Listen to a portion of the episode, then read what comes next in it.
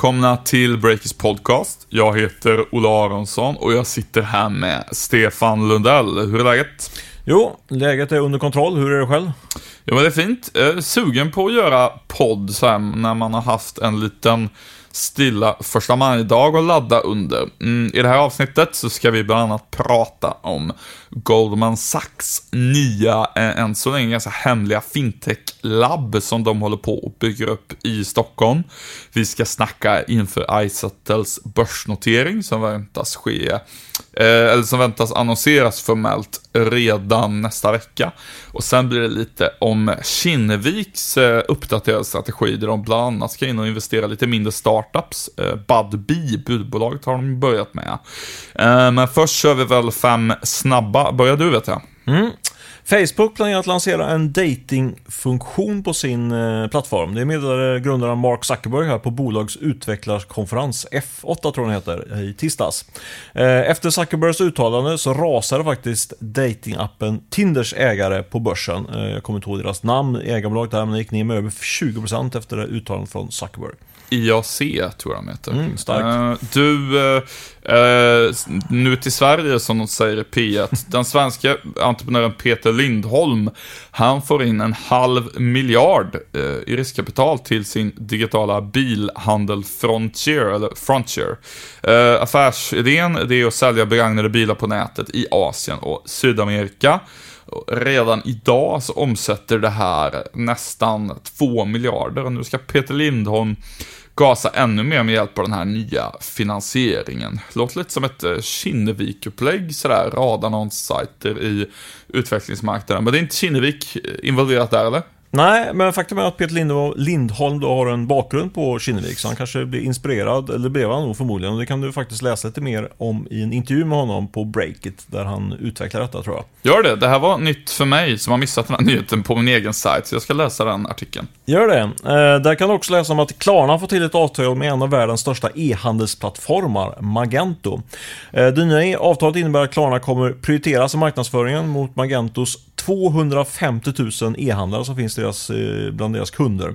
Eh, hittills har ju Klarna haft lite tufft i USA, eh, men nu tror de som har bra koll på detta att det kan lyfta i USA på grund av att Magento är väldigt starka där i, på den amerikanska marknaden. Det låter ju som en alldeles strålande distributionsstrategi. Uh, får se om det går bra för dem. Du, uh, ICA, den svenska dagligvarujätten, de trycker in 600 miljoner kronor i en ny e-handelslösning står det här i manus. Jag väljer att kalla det för en, en robotlösning. Det låter lite roligare tycker jag. Eh, det är brittiska Ocado som står bakom den här tekniken och det är att man använder en typ av sugeproppar för att um, hantera lager, packa varor och så helt enkelt. Och ICA kommer bygga ett sånt här jättelager med Ocados teknik i Stockholmsområdet. Uh, lite läskigt om man är Mathem till exempel va? Mm, verkligen. Och jag som är lite journalistnörd vill uh, välja att lyfta upp Market som faktiskt var först på den nyheten. De är duktiga på market.se. Jag tycker att ni ska kolla in. Kanske ska rekrytera någon, någon spännande reporter därifrån, vad vet jag. Eh, avslutningsvis eh, så måste vi också berätta om spelbolag Leo Vegas. De eh, har, tar ju nu begreppet kick-off får man säga till en ny nivå. Eh, I bolagets kvartalsrapport som kom nu på onsdagsmorgonen framgår att Leo Vegas har eh, investerat, eller hur man nu ser det, eh, 15 miljoner kronor i sin senaste kick-off. Eh, lite roligt att VDn lugnar eventuellt oroade aktieägare med att eventet överträffade våra redan högt ställda förväntningar. Det får man nästan hoppas med den. Eh, Framgår det någonting vad de gjorde på kickoffen mer konkret? Nej, inte mer än att det handlar om att man ska integrera verksamhet. Man köpt en del bolag och så ska integrera, så inte, inte, inte, inte integrera. Interagera? inte. Ah, okej. Okay. Så, så ska de... få personalen att trivas bättre ihop kan man säga. Ah, okej. Okay. De ska liksom foga samman koncernen på något sätt. Ja, men ungefär så. Just det, och bygga en gemensam kultur.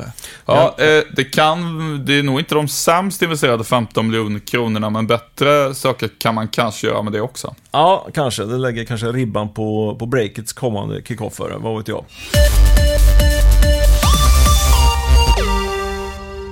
Den här podden sponsras av Monster som är en av världens mest framgångsrika aktörer inom jobbannonser på nätet. Inte minst när det gäller IT-rekryteringar. Precis, och vi på Breakit har nu ett eh, samarbete med Monster där vi kombinerar Breakits unika och nära relation med vår målgrupp och Monsters erfarenhet och breda eh, nätverk. Eh, annonserna som man köper, de syns både hos oss på Breakits sajt och i alla Monsters kanaler och LinkedIn och överallt där man vill att jobbannonser ska synas. Eh, en kombo som är Sveriges bästa tech-jobbannons helt enkelt. Mm. Kanonbra om du till exempel söker en utvecklare eller produktägare. Gå in på breakit.se karriär, och som i karriär då, och skicka en icke bindande förfrågan så får du lite bättre koll på vad det här erbjudandet innebär. Tack Monster för att ni sponsrar podden.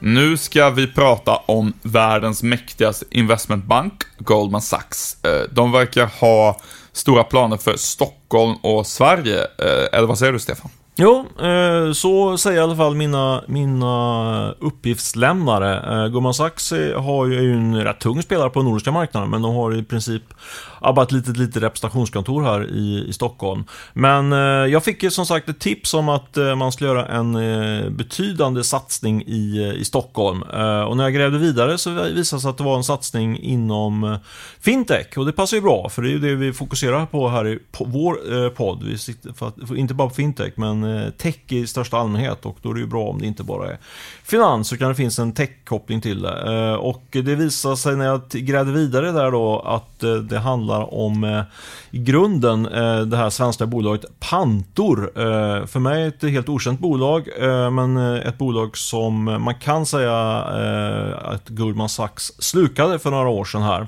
Eh, och det är de som är lite grann grunden i den här satsningen. Men när jag, när jag grävde och, och letade lite information om Pantor visade sig att du Olle faktiskt var den som avslöjade det här, det här köpet, eller vad man ska kalla det, som Goldman Sachs gjorde. Så du kan väl berätta lite kort på vad, vad är Pantor för något? Så ska jag gå vidare sen i min, eh, min nyhets spaning. Mm, eh, Pantor, eh, vad de är nu, det vet jag faktiskt inte. För, men okay. eh, jag vet vad de var för två år sedan. Eh, man kan säga att när Goldman Sachs köpte deras teknik så slutade de kommunicera öppet vad de höll på med. De blev mycket hemligare då.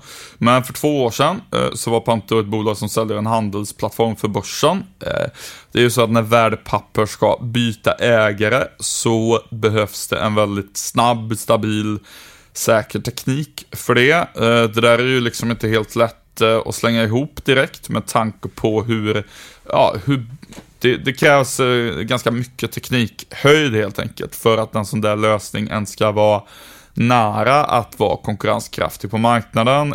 Det är ju ehm, snabba, väldigt, väldigt snabba processer som ska ske och det är mycket pengar det gäller och det måste vara väldigt driftsäkert och så vidare. Eh, Pantor har en sån produkt, eh, eller hade då eh, åtminstone en sån fram tills de, eh, tekniken förvärvades av Goldman Sachs.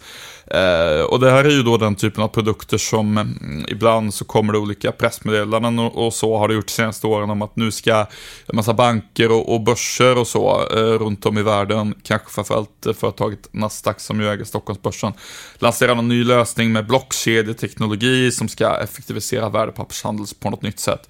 Eh, jag vet inte om Pantor har jobbat med blockkedjeteknologi, men det är liksom den eh, den typen av lösningar som eh, den, typ, den marknaden man adresserar. Värdepapper ska byta ägare på något, på något sätt, digitalt helt enkelt. Uh, Goldman Sachs har ju liksom inte sagt ett jota egentligen om vad det är de ska göra med pantor, men uh, de har ju i alla fall tagit över all teknik och alla anställda och um, vdn eh, Rolf Andersson heter han väl. Han har ju jobbat kvar och så, så att det är liksom verkar ju vara att teamet har bestått och de har stannat kvar i Stockholm. Eh, men sen har de inte sagt någonting, men du har fått fatt i mer information. Ja, jag pratade ju med den här eh, vdn Rolf då. Han var ju, väldigt, han var ju som en mussla kan man säga. Men eh, vad jag det, förstår... det kan man förstå. Han har nog fått lite munkavle av Goldman Sachs i New York. Ja, så kan man väl säga. Samtidigt kan jag tycka att det är lite väl löjligt på ett sätt. Ja, men det är, nog, det är nog inte hans fel om man säger nej, så. Nej, men så är det verkligen. Eh, det är nog med bankers eller ägarna till Goldman Sachs som är lite väl eh, rädd, räddhågsna av sig. Men jo, men det som jag har förstått nu är att man då ska gasa det här projektet rejält. Eh, Pantor-projektet. Eh, eh, eh, och man har faktiskt eh, hyrt in sig på, eller tagit över ett helt våningsplan på Grand Hotel. Så det, det, och det är inte hotellet. Apropå det finns... Leo Vegas. Ja, men absolut. Men det indikerar ändå, indikerar ändå vad man lägger liksom nivån på det här. Det kommer vara en kontorsdel utav Grand Hotel som man liksom då hyr in sig på väldigt exklusivt och man satsar mycket pengar på detta. Eh, och eh, kan man, tänka, kan man tänka sig då för att rekrytera väldigt bra medarbetare och det vet jag när, när eh, Goldman Sachs gick in och eh, plockade över tekniken då från Pantor så var ju, var ju ambitionen att det skulle bli den bästa arbetsplatsen i Norden för utvecklare inom tradingteknologi eh, citerades eh, vdn för i, i den artikeln som du skrev Olle. Och eh, ja, kort sagt så är det en stor satsning de gör inom det här området och det kan säkert också bli en utvidgning av det. Eh, och eh, ja, jag tror att vi kommer få eh, höra mer om det här framöver när Goldman Sachs lite mer lättar på förlåten. Så det Just det, och, och, den hårda nyheten är att nu, nu har de tagit över hela det här våningsplanet och de fyller det med folk för att bygga någonting som vi inte vet vad det är än. Absolut, så är det. Och ska man vara lite kritisk mot mig så kan man säga, vad är egentligen hårda nyheter? Men jag ja, tycker, men det tycker jag är en Det är en bra, en bra snackis liksom att man tar över ett helt våningsplan på Grand Hotel och, eh, och trycker in ett uh, svenskt hett teknikbolag där. Så jag tror att det, det håll ögonen på det där och ni, vi kommer följa det där med stort intresse på Breakit. Jag, jag minns uh, Deutsche Banks Nordenchef uh, Jan Olsson, Jan, Jan Olsson tror jag han hette. Mm. Han, han var ju känd för att han bodde på Grand Hotel. Eh, klassiskt, måste man ja, säga. Absolut. Då måste jag ju kontra med Morgan Stanleys eh, Nordenansvarig. Han fick ju till och med en macka uppkallad över sig eh, på Grand Hotel. För jag kommer inte ihåg vad han heter nu, men det finns en macka som heter, heter just hans. Det, här, det känns som vi skulle kunna ägna en hel, en hel podd bara åt uh, olika personer som har bott på. Electrolux vet jag också bodde på Grand Hotel. Kan ja. ha fått någon sorts Wallenberg-svärrabatt där. Säkert. Du, eh, nu, nu har vi riktigt skönt att grotta ner oss lite i lite finansbubbel och skvaller. Men vi ska prata om eh, familjen Stenbecks nu ganska oväntade får man säga investering i, i det här budbolaget Budbee. Vi flyttar oss liksom på andra sidan vattnet i Stockholm. Ja. Eh, Wallenbergarna äger ju Grand Hotel på, vad heter det? Det heter Blasholm kanske? Till, ja. till Skeppsbron 18. Skeppsbron flyttar vi oss till nu, Kinneviks huvudkontor. Exakt. Vad är det som har hänt där Olle? Du har grävt lite mer än, jag i det kring Budbee och det förvärvet där och funderat vidare också vad det kan innebära. Mm, precis. Förvär de har investerat i Budbee, ska man säga. De ja, förlåt. Köpt, de har inte mm. förvärvat hela.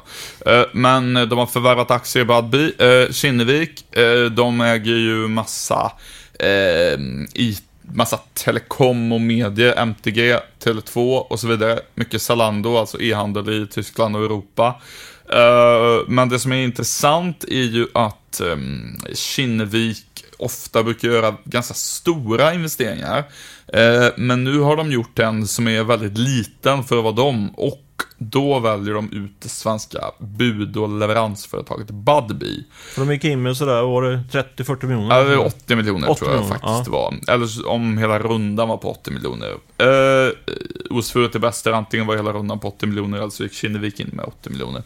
Eh, I vart fall så Mm, det, det, är väldigt intressant i viseringen tycker jag. Um, att de tror så mycket på det och vill backa den storsatsningen.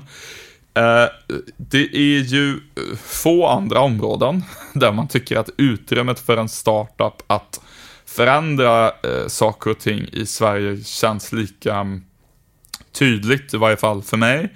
Eh, leveransmarknaden har ju väldigt, väldigt dålig användarvänlighet, måste man säga. Eh, jag beställde till exempel en, eh, ett gäng olika kepsar, jag gillar keps på mig, eh, från USA och ehm, när jag går in på min sån tracking-sida där jag kan se hur det går för mina kepsar från USA, då står det nu att de är delivered, vilket de absolut inte är. Jag har inte sett dem alls. Och jag har inte fått något mail eller något sms som att jag liksom kan hämta det där någonstans. Um, utan vad som har hänt är väl att de har varit hemma hos mig sådär 10.30 en vardag och inte sagt att de var där eh, på Snord och så är det med det liksom. Uh, och så, de har varit där två gånger. Det här visste inte jag, jag fick liksom inget sms eller någonting om det, utan jag fick liksom gå in och leta efter det själv bara. Vilket tog rätt mycket tid också. Eh, och vad, vad, om man analyserar det här lite bredare, liksom, varför ser det ut så här? Så kan man tänka att det är ganska få delar av näringslivet där det liksom inte går att betala mer för att få det man vill ha, så att säga. Jag tycker det här leverans, det påminner lite grann om eh, att du bor i en stad och så finns det bara en restaurang där. Och den är ganska billig, men det är jätteäcklig mat och jättedålig service, men ändå startar det ingen ny restaurang och du kan liksom inte betala mer för att få något bättre, så att säga. Eh, och det är ju rätt frustrerande. Och, och där tror jag att, um, att Budbee har en bra möjlighet. Eh, och sen ska man väl säga också att apropå konkurrenssituationen, Postnord som ju är huvudkonkurrent här, de är ju liksom de har ju ett samhällsuppdrag också och det är ju liksom inte ledningen eller brevbärarna på Postnords fel, men faktum är ju att det här är ju, det är ju rätt konstigt egentligen att det här ska vara någon sorts vinstdrivande företag och samtidigt leverera massa eh, pappersbrev till glesbygden i Sverige och så. Det, det går inte riktigt ihop, utan i, om det här skulle drivas på ett bra sätt så borde man ju dels ha en liksom, myndighetsdel med gamla postverket som bara gör samhällsservice och sen den här liksom växande e-handelsleveransdelen kunde få vara i något vinstdrivande riktigt bolag så att säga. Eh, men så är det ju inte och det gör ju att Budbee då... Eh, det är intressant, det har jag aldrig tänkt på, men det, det skulle vara en rätt smart tanke att dela Ja, men tänk dig själv att du ska ta över som vd för Postnord och ditt uppdrag är att driva vinst, men sen inser du efter typ innan du ens signar förmodligen att det går ju inte. Mats, och det går inte heller. Mats Jansson har fått självmordsuppdrag vid ordförande i Ja, just det. Han, Mats Jansson som har en bakgrund inom Telia och SAS med mera var ju tilltänkt som ordförande, men han äh, gjorde väl samma analys som jag nyss sa och tackade därför nej och sa att det var ett självmordsuppdrag. Utöver att det är ett kul citat så tror jag att det, det är ett rätt kast uppdrag. Och, och det är inte Postnords fel, utan det är ju liksom eh, Mikael Damberg och tidigare ministrar och så, deras fel att man liksom har, har gjort den här anordningen och en affär i Danmark och lite konstig styrning av bolaget så att säga. Eh, och eh, eh, men om vi då återgår till ämnet och Budbee så kan man väl säga att det är ju rätt, det är ju rätt bra att ha en sån långsam konkurrent med lite otydlig styrning om man liksom vill ta marknadsandelar snabbt, tror jag. Och de andra konkurrenterna är väl så UPS och DHL och sådana här stora globala jättar som kanske inte fokuserar jättemycket på Sverige och så. Och där tror jag väl att um, Budbee har en jättebra möjlighet att ta bara en sån enkel sak att jag kanske kan betala dubbelt så mycket för min leverans, men att jag så att säga ja, den faktiskt kommer fram. Mm. Ja, det är en bonus. ja, men det får man säga. Du har ju följt Kinnevik jättelänge, jättebra koll på dem, olika vd har kommit och gått och så. Eh, kan du sätta in det här lite sammanhang, att de, till att börja med att de gör en så liten investering, det är väl ändå ovanligt för dem?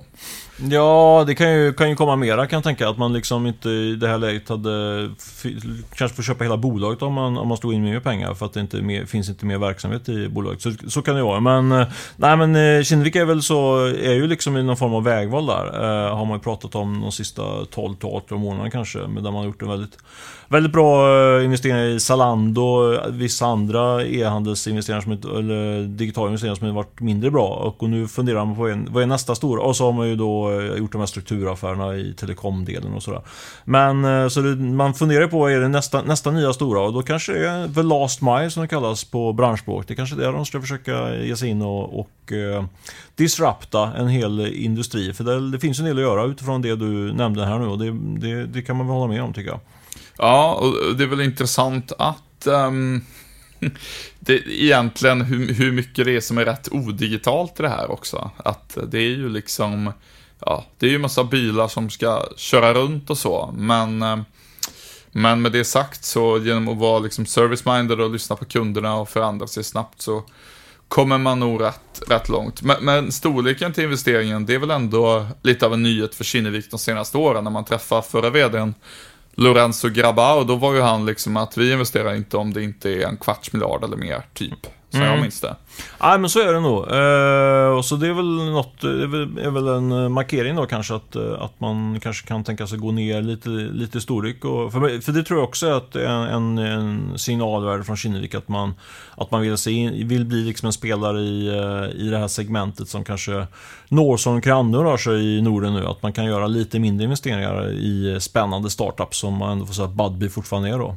Mm. Eh, ja, vi får se var det landar någonstans. Du, en annan intressant, faktiskt lite smått historisk händelse som är på gång nu här i Tech-Sverige eh, som vi måste prata om i podden. Det är ju att iSettle, eh, betalningsbolaget, de eh, kommer och avisera sin börsnotering enligt Financial Times som brukar ha bra koll. Redan då i nästa vecka kommer det komma datum för börsnoteringen. Vad, vad säger du om det som, som gammal, får man säga fintech-reporter på Breakit?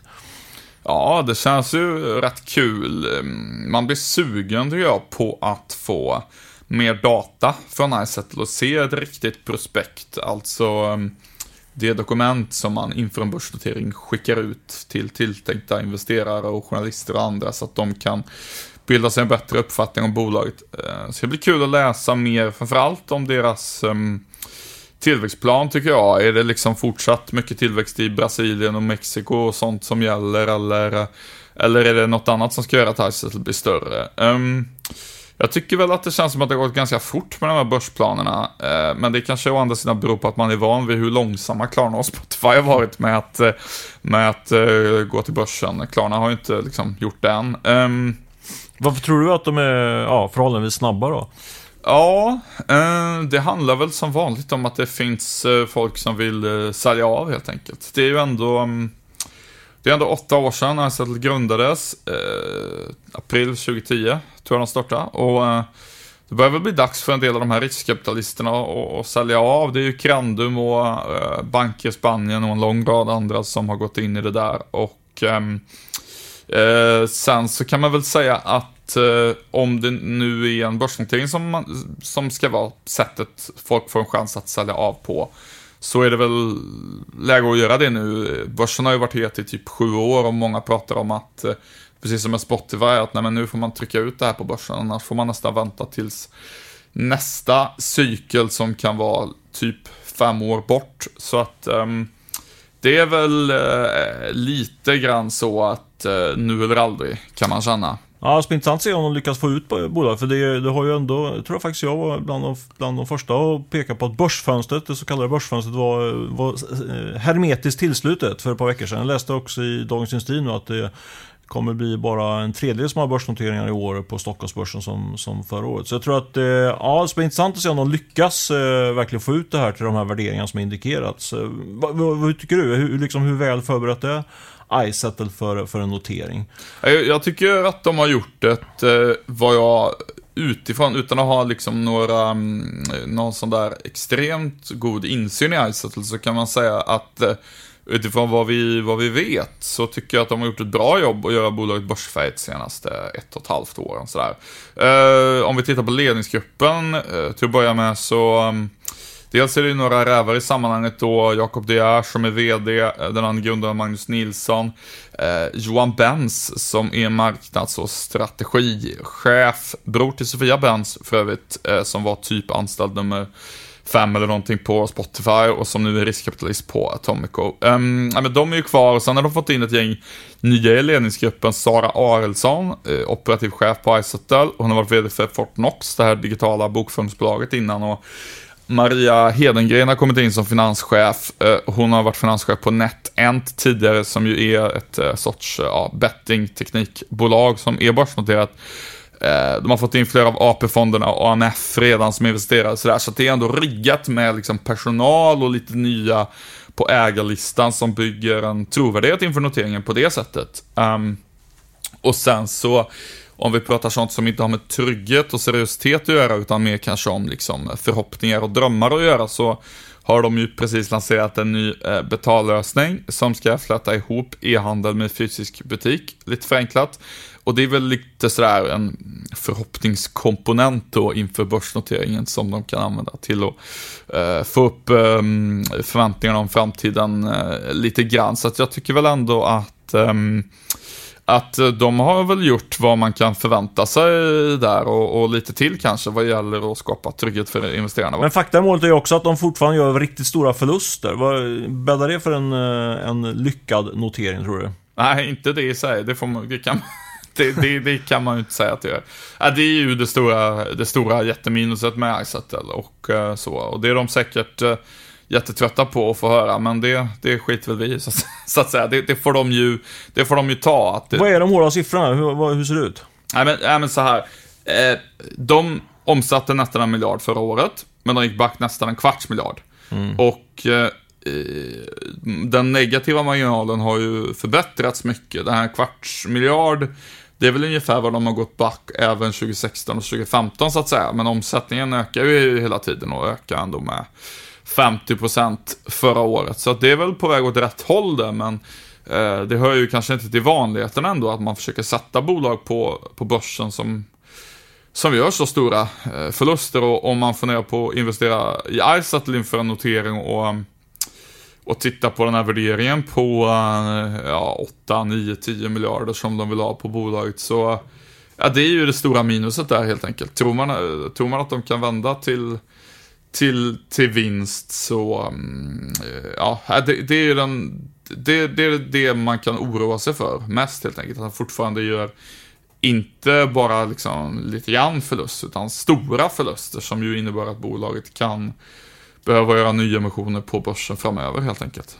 Men de lär väl förmodligen plocka in en del pengar i samband med noteringen eller? Mm. Nej men precis, det, det eh, något annat vore ju konstigt men eh, jag vet inte, det känns lite som att liksom Spotifys ehm, um, notering har lite grann satt det där på ända eller liksom mm, man får omvärdera gamla, alltså Spotify är ett oerhört mycket större företag ska vi säga, men, men de eh, gick ju till börsen och gör fortsatt stora, stora förluster.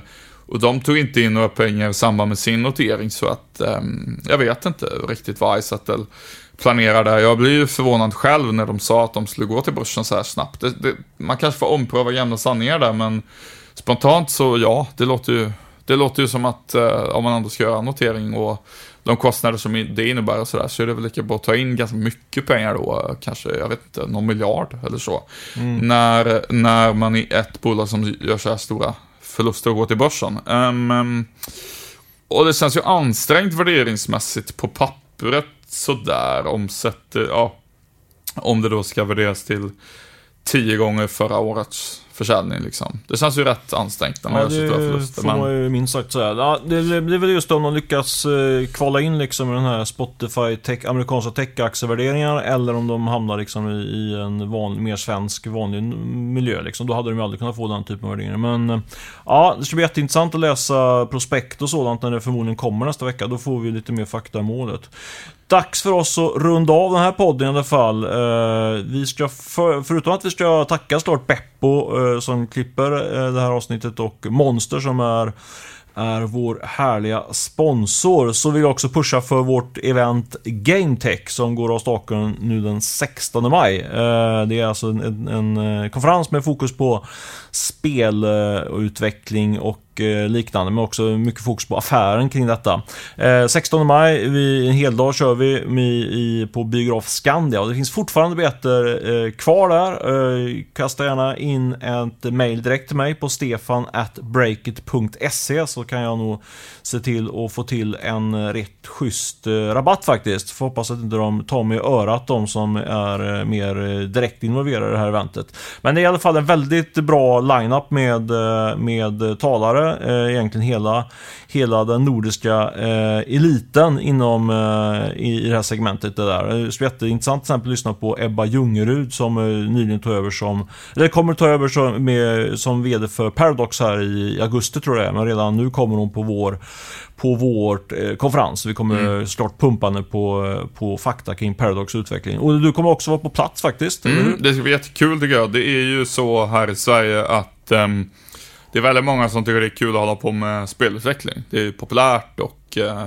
det är många såväl kreatörer som andra och, och, många investerare på börsen som tycker att det här är, är jättespännande. Men faktum är att det är rätt få som lyckas eh, både kvarstå som, som självständiga bolag, inte bli uppköpta av någon amerikan och lyckas både växa och göra bra vinster. Det är rätt utmanande. Eh, Paradox som du nämnde är ju mm, en av de som har lyckats. Ja, det ska bli jätteintressant att höra kring, eh, liksom kring eh, affärsmodellerna. Vad är smart? Vad är nästa steg? Hur bygger man ett bra ett bra spelbolag, det är det nog många som undrar. Ja, och sen tror jag också att man ska tänka på den här konferensen lite bredare också. Att, eh, eh vi har ju en, ett, verkligen ett svenskt spelunder, måste man säga. Och, och eh, den här konferensen ska man gå på också om man vill lite grann lära utav, eh, utav de här personerna som har byggt miljardbolag i många fall. Eh, och då tänker jag lära också även om man inte driver själv spelbolag utan när man eh, driver en digitalt bolag helt enkelt. För det är det tanken med, med de frågorna och de eh, talarna vi, vi har bjudit in. Att man ska kunna eh, dra erfarenhet utav det även i andra segment och inte bara inom spelsegmentet. Ja, men det där tror jag är jätteviktigt. Det är lätt att man fokuserar på själva spelen och liksom sådär, men det ska ju bli riktiga bolag också som kan växa och att det är personal och allt sånt där som är viktigt. Eh, 16 maj, som sagt, på Biograf Skandia i Stockholm. Kom dit, mejla Stefan om ni vill ha eh, en liten rabatt på biljetter.